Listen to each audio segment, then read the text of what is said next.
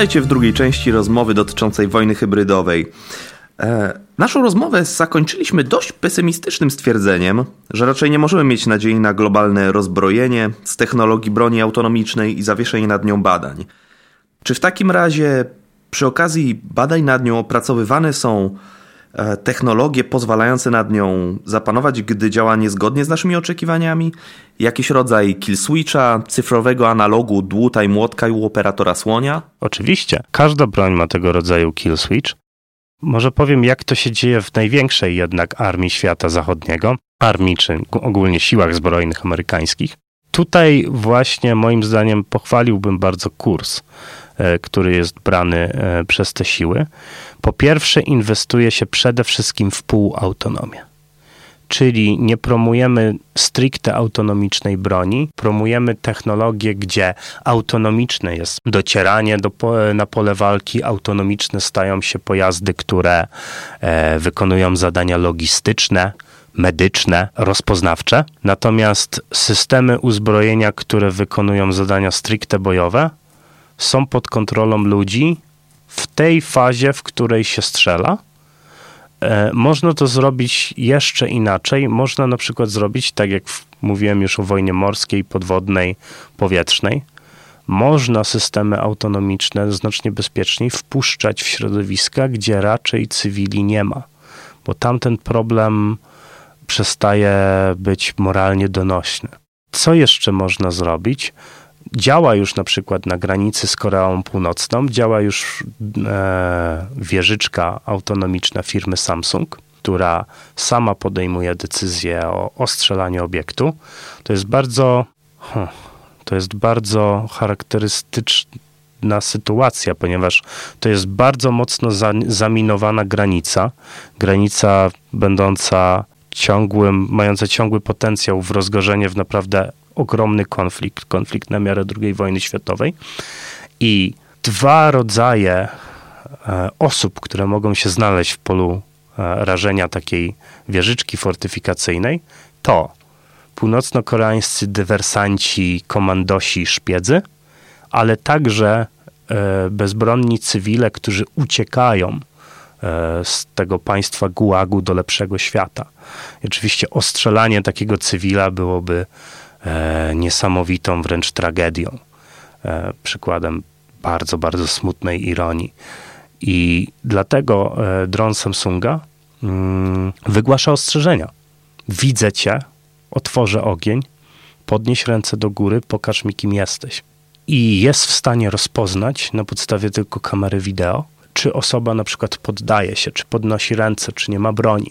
Oczywiście też e, w tym, w tym samym momencie wzywa pomoc ludzi, informuje o tym swoich dowódców, jak każdy normalny żołnierz. I oczywiście zauważmy, informując tą osobę, że ma się poddać, tak, wystawia siebie na ogień, mhm. tylko że on może strzelić drugi. Ludzki żołnierz nie może tego zrobić. Ludzki żołnierz, kiedy ma wątpliwości, czy to jest uciekająca ze strefy wojennej dziewczynka, czy może to jest dziecko, któremu ISIS nałożyła przemocą plecaczek pełen trotylu, musi myśleć o ochronie swojego życia. A dron może poświęcić sam siebie, jeśli ma wątpliwości. To jest jedna z zalet tej technologii. Także e, wdrażanie spokojne tych technologii i wdrażanie tych kill switchy a jest możliwe. Bardzo ciekawy jest pomysł amerykańskiego inżyniera i etyka e, Ronalda Arkina. Arkin zaprojektował i przedstawił wczesne pomysły na tak zwany, jakby po angielsku nazywa się to ethical governor, powiedzielibyśmy zarządca etyczny robota. Zarządca etyczny to byłby dodatkowy program, który powiedzmy w robotycznym czołgu byłby instalowany. I Arkin opisuje tysiące zasad, przetłumaczenie zasad e, konwencji genewskiej na przykład na język kodowania, jak można by zrobić to.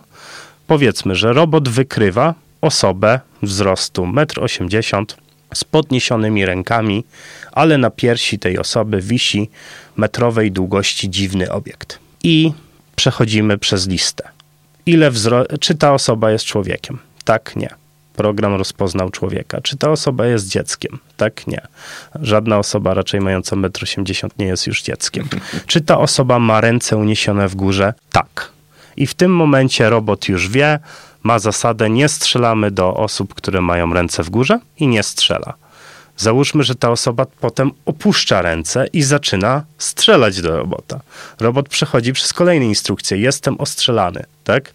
Czy osoba, która do ciebie strzela, stanowi bezpośrednie zagrożenie dla ciebie, czy może cię zniszczyć? Nie. Używa tylko kałasznikowa, a ja jestem pancernym czołgiem. Czy wezwałeś już osobę do poddania się? Tak. Czy osoba podniosła ręce? Nie. Czy wezwałeś po raz kolejny do poddania się? Tak. Czy dalej strzela? Tak. Czy w obrębie 20 metrów od tej osoby znajdują się cywile? Nie, nie znajdują się żadni ludzie. Czy osoba znajduje się w odległości 50 metrów od obiektu kultu znajdującego się na liście UNESCO?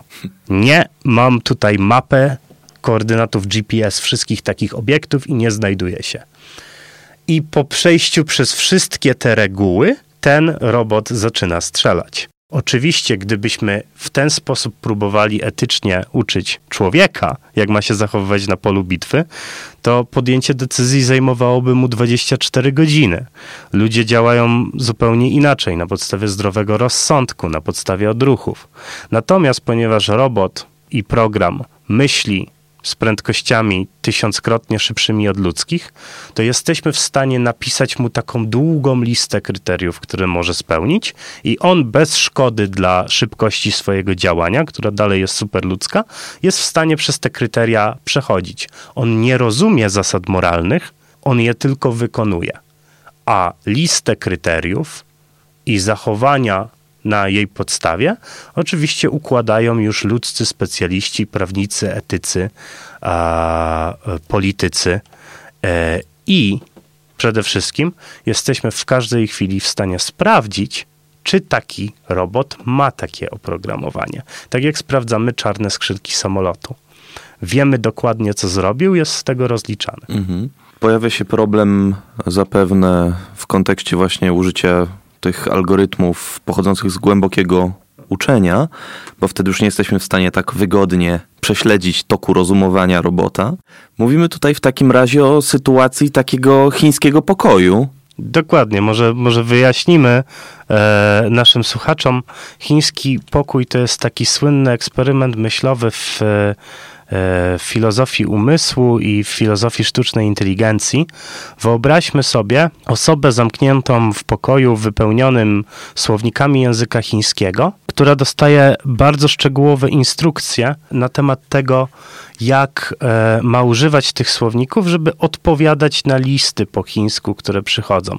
Te instrukcje mają taką postać, że jeśli zobaczysz znaczek taki, to użyj znaczka takiego i takiego ta osoba nie mówi po chińsku, ale listy, które tworzy dzięki swoim odpowiedzi, które tworzy dzięki tym instrukcjom i, i słownikom, które są jej dostępne, są jak naprawdę poprawnymi od, y, odpowiedziami w języku chińskim, czyli osoba nie zna języka chińskiego, ale system stworzony z osoby, sterty słowników i szczegółowych instrukcji już chiński zna.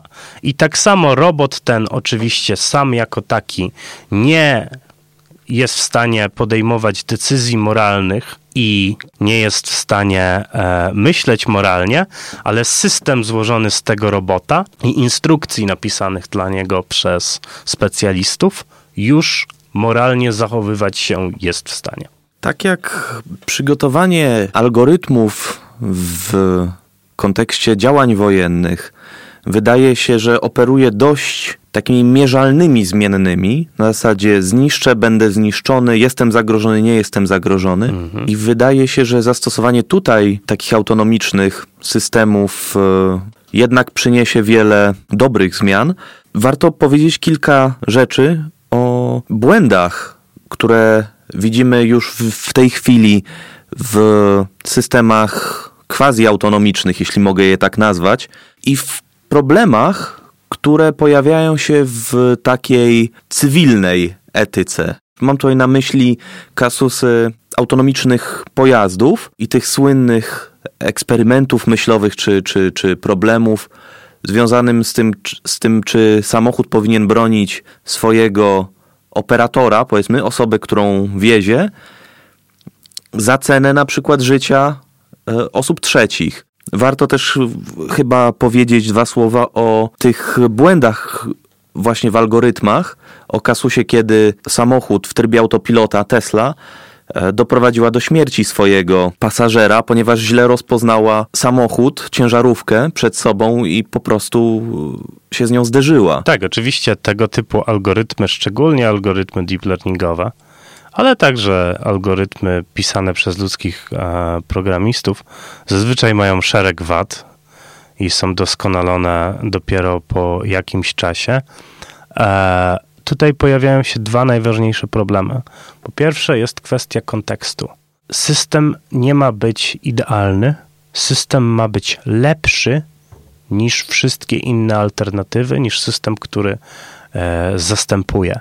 To nie jest pytanie, czy roboty bojowe będą w stanie prowadzić wojnę, nie zabijając nigdy żadnych cywili e, i nie powodując nigdy niepotrzebnego cierpienia u żołnierzy przeciwnika. Pytanie jest, czy będą w stanie realizować te ideały lepiej niż ludzie.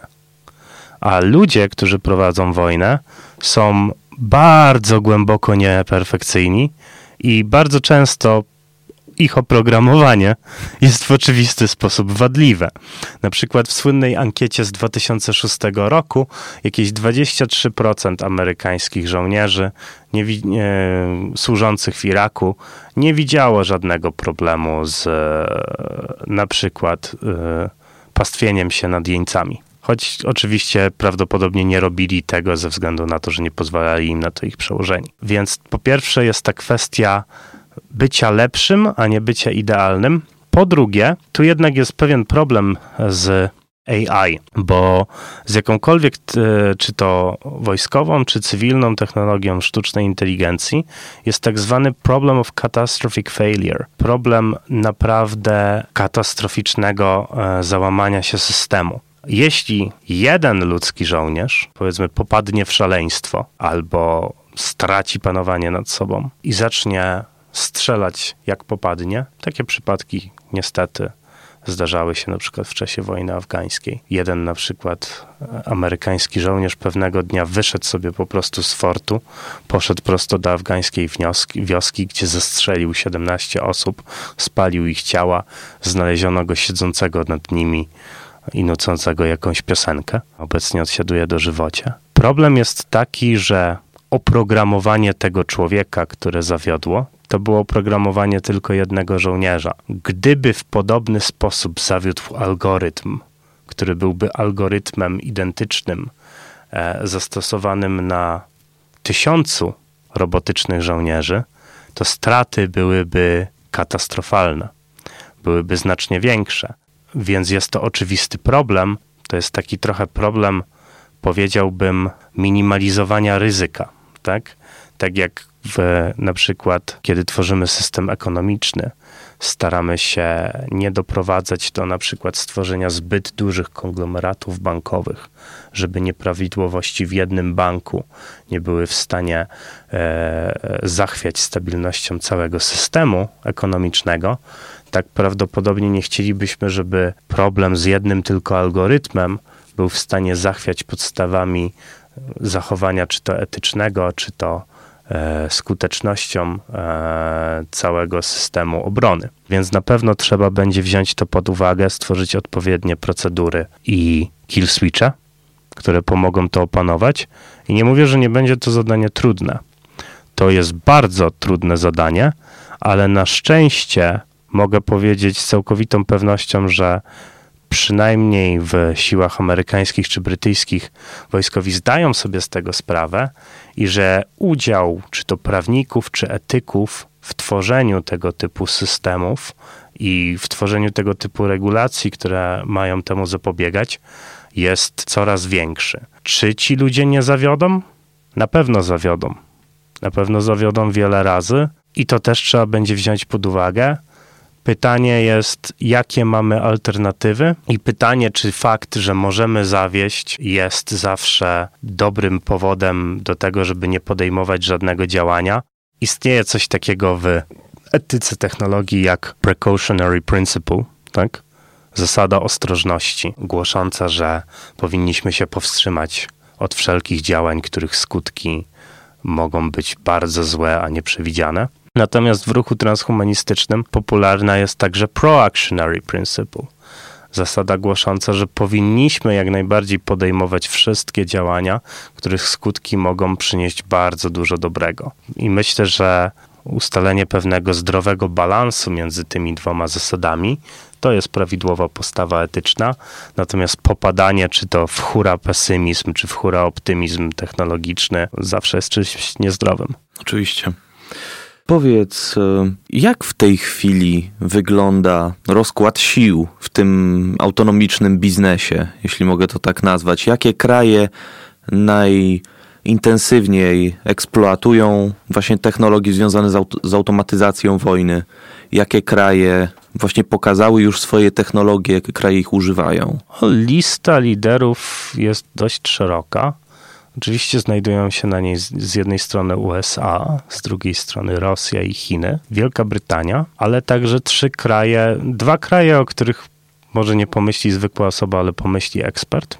To Izrael. jest Izrael, zdecydowanie i Korea Południowa. Oczywiście kraje zagrożone egzystencjalnie, jedyne kraje Zachodu, zagrożone egzystencjalnie, ale także inny egzystencjalnie zagrożony kraj dochodu, zachodu z naszego własnego podwórka, uwielbiana przez e, technofilów i transhumanistów Estonia.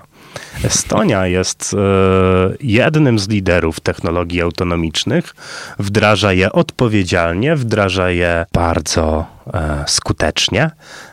Estończycy, będąc krajem półtora milionowym, pokazują technologie, których na pewno nie powstydziliby się ani Amerykanie, ani Koreańczycy.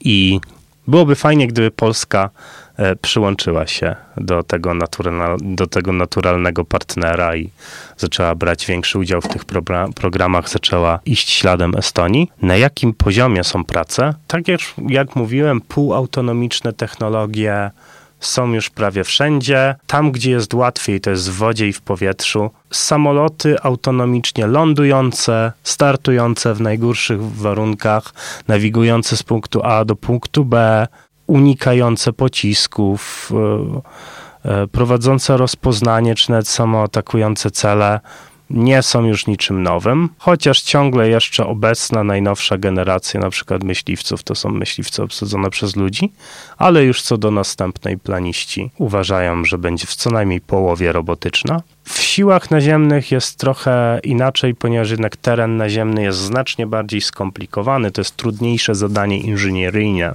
i programistyczne, aby nauczyć platformę operowania w tym skomplikowanym terenie, ale i tu mamy już przykłady autonomicznych łazików, które podążają za patrolem żołnierzy, niosąc za nimi plecaki. Słynny, e, słynny robot Boston Dynamics Walking Dog odpadł e, z konkursu armijnego. Odpadł, bo był za głośny. Mhm. Bo miał silnik spalinowy, a nie elektryczny. Największym problemem zresztą w pełnej automatyzacji jest ciągle problem pojemności baterii. I tu chciałbym zauważyć jedną rzecz – to nie jest tak, kiedy mówimy o rozwoju, o pracy nad autonomizacją albo o, o, o zakazie tych prac. Większość, ogromna większość tych komponentów, inaczej niż w przypadku na przykład broni nuklearnej czy chemicznej, to są komponenty tak zwane dual use, podwójnego użycia. Komponenty, które są niesamowicie, ich rozwój jest niesamowicie ważny dla naszej gospodarki cywilnej. Weźmy pojemność baterii to jest główny problem dla robotyzacji. To jest także główny problem e, dla walki z globalnym ociepleniem, czy dla jakiejkolwiek automatyzacji cywilnej. W momencie, kiedy problem pojemności, zwiększenia pojemności baterii elektrycznej zostanie rozwiązany, na przykład przez ludzi prowadzących nad stworzeniem w pełni elektrycznego, opłacalnego samochodu, to w tym momencie zostanie także rozwiązany bardzo duży problem, e, bardzo duży próg w tworzeniu broni autonomicznej. Także systemy są już dość zaawansowane, a plany bo większość armii ma strategię na 25 lat do przodu. Na przykład amerykańska armia ma swój plan na za 5 lat, za 10 lat i za 25 lat. Ta faza za 25 lat to są bardziej koncepty i wizje. Ta faza za 5 lat to są rzeczy, o których już wiadomo, że powstały i są w fazie prototypu, a ta faza za 10 lat to są technologie, gdzie planiści są prawie pewni, że niektóre technologie nie przez jakieś niesamowite odkrycia, tylko przez inkrementalny, stopniowy rozwój, taki jak zachodzi ostatnio w technologiach, że te technologie będą w stanie być wdrożone w ciągu 10 lat. I w tym momencie na 2035 rok Amerykanie spodziewają się, że co najmniej 35% pojazdów używanych przez nich będą to pojazdy robotyczne. W niektórych rodzajach sił znacznie więcej. Mhm.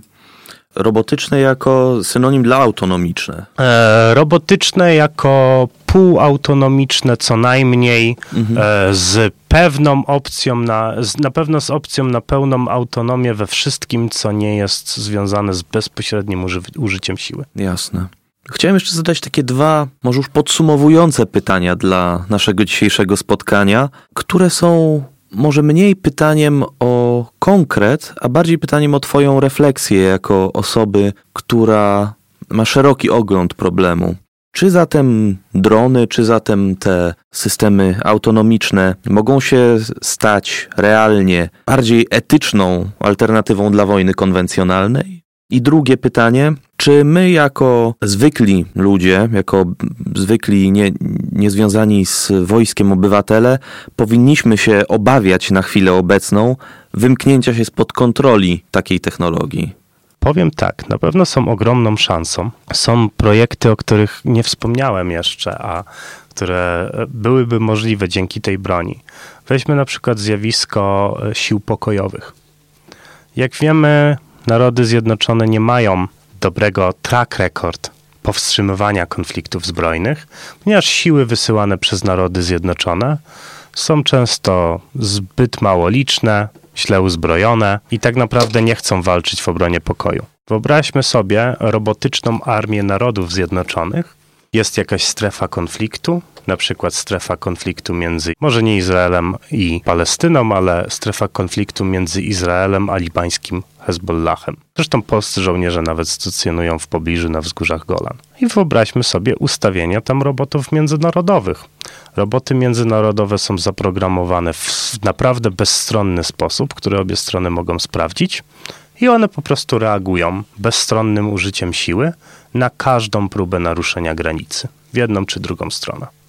Myślę, że w takiej sytuacji obie strony byłyby postawione przed faktem dokonanym i po prostu granicy naruszać by nie mogły. To akurat jest, podałem przykład bardzo trudnego konfliktu.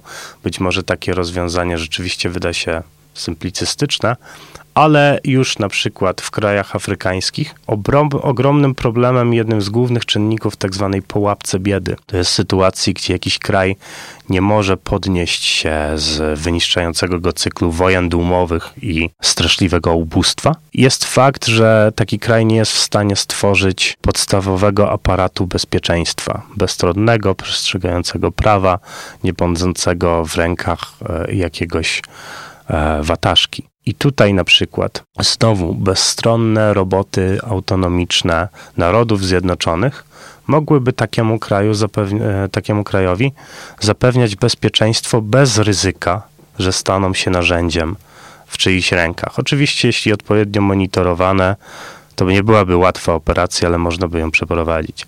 Widzę dużo takich szans.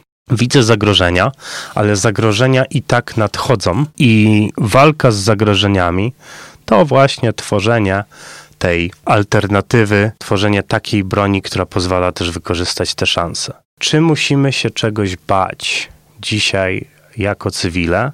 Musimy bać się tego, że nie podejmiemy realnego, rozważnego i dobrze wyposażonego w środki wysiłku w celu poradzenia sobie z tymi kwestiami na poziomie prawnym, intelektualnym, że tak jak w przypadku broni nuklearnej, najpierw jakąś broń stworzymy, a dopiero potem zaczniemy myśleć o tym, jakie są konsekwencje tego. ten wysiłek jest podejmowany i może być podjęty. Jest trudny, ale wszystkie rzeczy związane z moralnością zawsze są trudne. I z wieloma kwestiami jakoś sobie poradziliśmy. Najbardziej jako obywatel Polski, szczególnie, czy obywatel Estonii, bałbym się sytuacji, która niestety zaczyna mieć miejsce.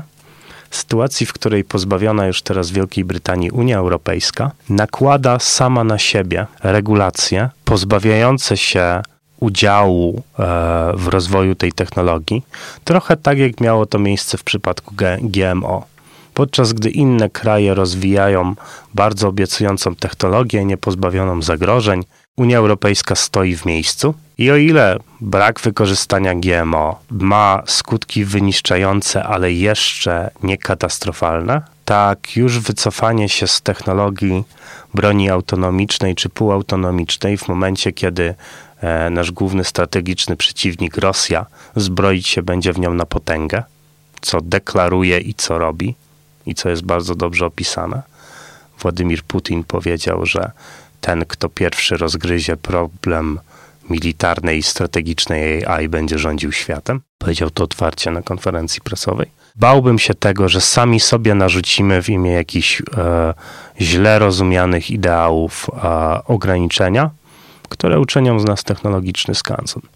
Kończymy trochę ponurą nutą, ale wydaje się, że jeszcze mamy możliwość wyjścia pozytywnie z tej sytuacji. Ja myślę, że nie musimy koniecznie kończyć ponurą nutą, bo pierwszy raz w historii ludzkości rysuje się perspektywa, że te konflikty e, polityczne, których nie jesteśmy w stanie rozwiązać e, na polu dyplomacji, będą rozwiązywane jako technologiczny mecz.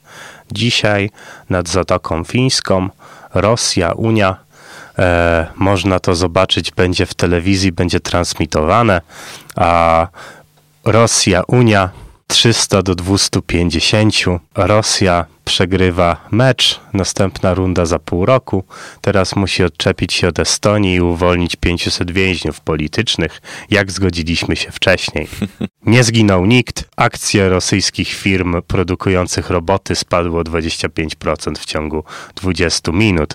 A myślę, że perspektywa wojny prowadzonej w taki sposób, chociaż ciągle odległa, ale po raz pierwszy w historii ludzkości realna, nie jest czarną wizją i należy też pamiętać trochę o kontekście. Tak, roboty zabójcy w rękach dyktatorów i terrorystów to nie jest może przyjemny prospekt, ale jest to też największa katastrofa w historii e, wojen czy w historii technologii wojskowej. Pamiętajmy, że siedzimy tutaj sobie teraz w Warszawie, w mieście, w które celują całe baterie rosyjskich pocisków nuklearnych są gorsze problemy wciąż nierozwiązane z poprzednich dekad ludzkości. Jasne. Powiedz jeszcze, bo tradycją e, naszych spotkań tutaj jest to, żeby zawsze naszego gościa zapytać, czy ma do polecenia jakieś książki, artykuły, czy inne media związane z tematem. Czy jest coś takiego, co byś chciał polecić naszym słuchaczom teraz? a jeśli później, to oczywiście znajdzie się to w opisie naszego nagrania. Trudno polecić mi tym z naszych słuchaczy, którzy e, nie znają języka angielskiego w stopniu bardzo dobrym, literaturę tematu, ponieważ mamy bardzo mało polskich publikacji e, na ten temat ciągle jeszcze i większość literatury światowej pozostaje nie, nieprzetłumaczona. E, może bardziej ogólnie w tym temacie, jeśli ktoś interesuje się etyką technologii wojskowych, relacji międzynarodowych itd., tak e, polecam przetłumaczony na Polskę i dostępny we wszystkich dobrych warszawskich e, czy bibliotekach, czy bibliotekach uniwersyteckich ogólnie. Polecam książkę amerykańskiego myśliciela Michaela Walzera Wojny sprawiedliwe i niesprawiedliwe. To jest taki dobry E, dobry moment startowy, aby zacząć rozmawiać i zacząć myśleć właśnie o roli także technologii wojskowej i zmieniającej się roli wojny w życiu naszych społeczeństw. Polecam strasznie mocno, także przetłumaczoną już e, na polski książkę izraelskiego filozofa Yuvala Noły e, Harariego, Homo Deus, w której omawia on rozmaite aspekty nadchodzących technologii znacznie szerzej niż my dzisiaj w tym podcaście, ale ma też podrozdział właśnie o broni autonomicznej, niezwykle dobrze i klarownie przedstawiający te kwestie i osadzający je w dużo szerszym kontekście technologii, na przykład big data, technologii analizy i zbioru danych, technologii e, predykcyjnych, pozwalających e, hakować, jak to nazywa e, ludzki mózg. Jeśli chodzi już o bardziej spe, specjalistyczną literaturę, to strasznie polecam dwie książki, o których wspomniałem. Peter W., Peter W. Singer, nie mający nic wspólnego ze słynnym naukowcem e, i obrońcą praw zwierząt Peterem Singerem. Peter W. Singer, Wired for War. Ten sam autor ma też kilka książek science fiction z gatunku military science fiction, opowiadających o wojnie w przyszłości. Także jeśli e, ktoś jest fanem właśnie e, tego gatunku, to zapraszam go do przeczytania naprawdę dobrze osadzonych w rzeczywistości i naprawdę dobrze zresearchowanych powieści. E, wspomniałem o Polu Shari, S-C-H-A-2-R-E. Polu Shari i jego książce Army of None Armia bez żołnierzy. E, chyba najbardziej kompetentnym dziś przedstawieniu e, kwestii technologii e, robotycznych w przyszłości wojskowości. I cóż, polecam mój doktorat, który jakieś dwa lata od teraz powinien ukazać się także w polskojęzycznej formie popularyzatorskiej. I polecam też moje teksty, teksty moje i teksty współnapisane przeze mnie z moim zakładowym kolegą, doktorem Wojciechem Boberem, na ten temat, które można znaleźć e, na takich portalach z artykułami specjalistycznymi jak researchgate.net i akademia.edu. Niestety tak, także w języku angielskim, ale postaram się też umieścić kilka polskojęzycznych źródeł e, na tych właśnie moich stronach, na moich profilach na tych stronach.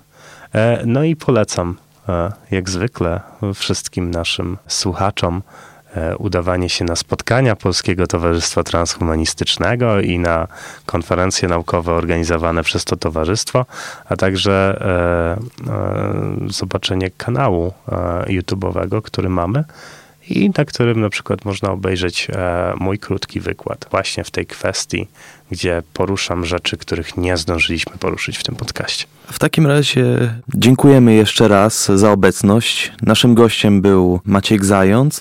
Dziękujemy Wam za uwagę i do usłyszenia następnym razem.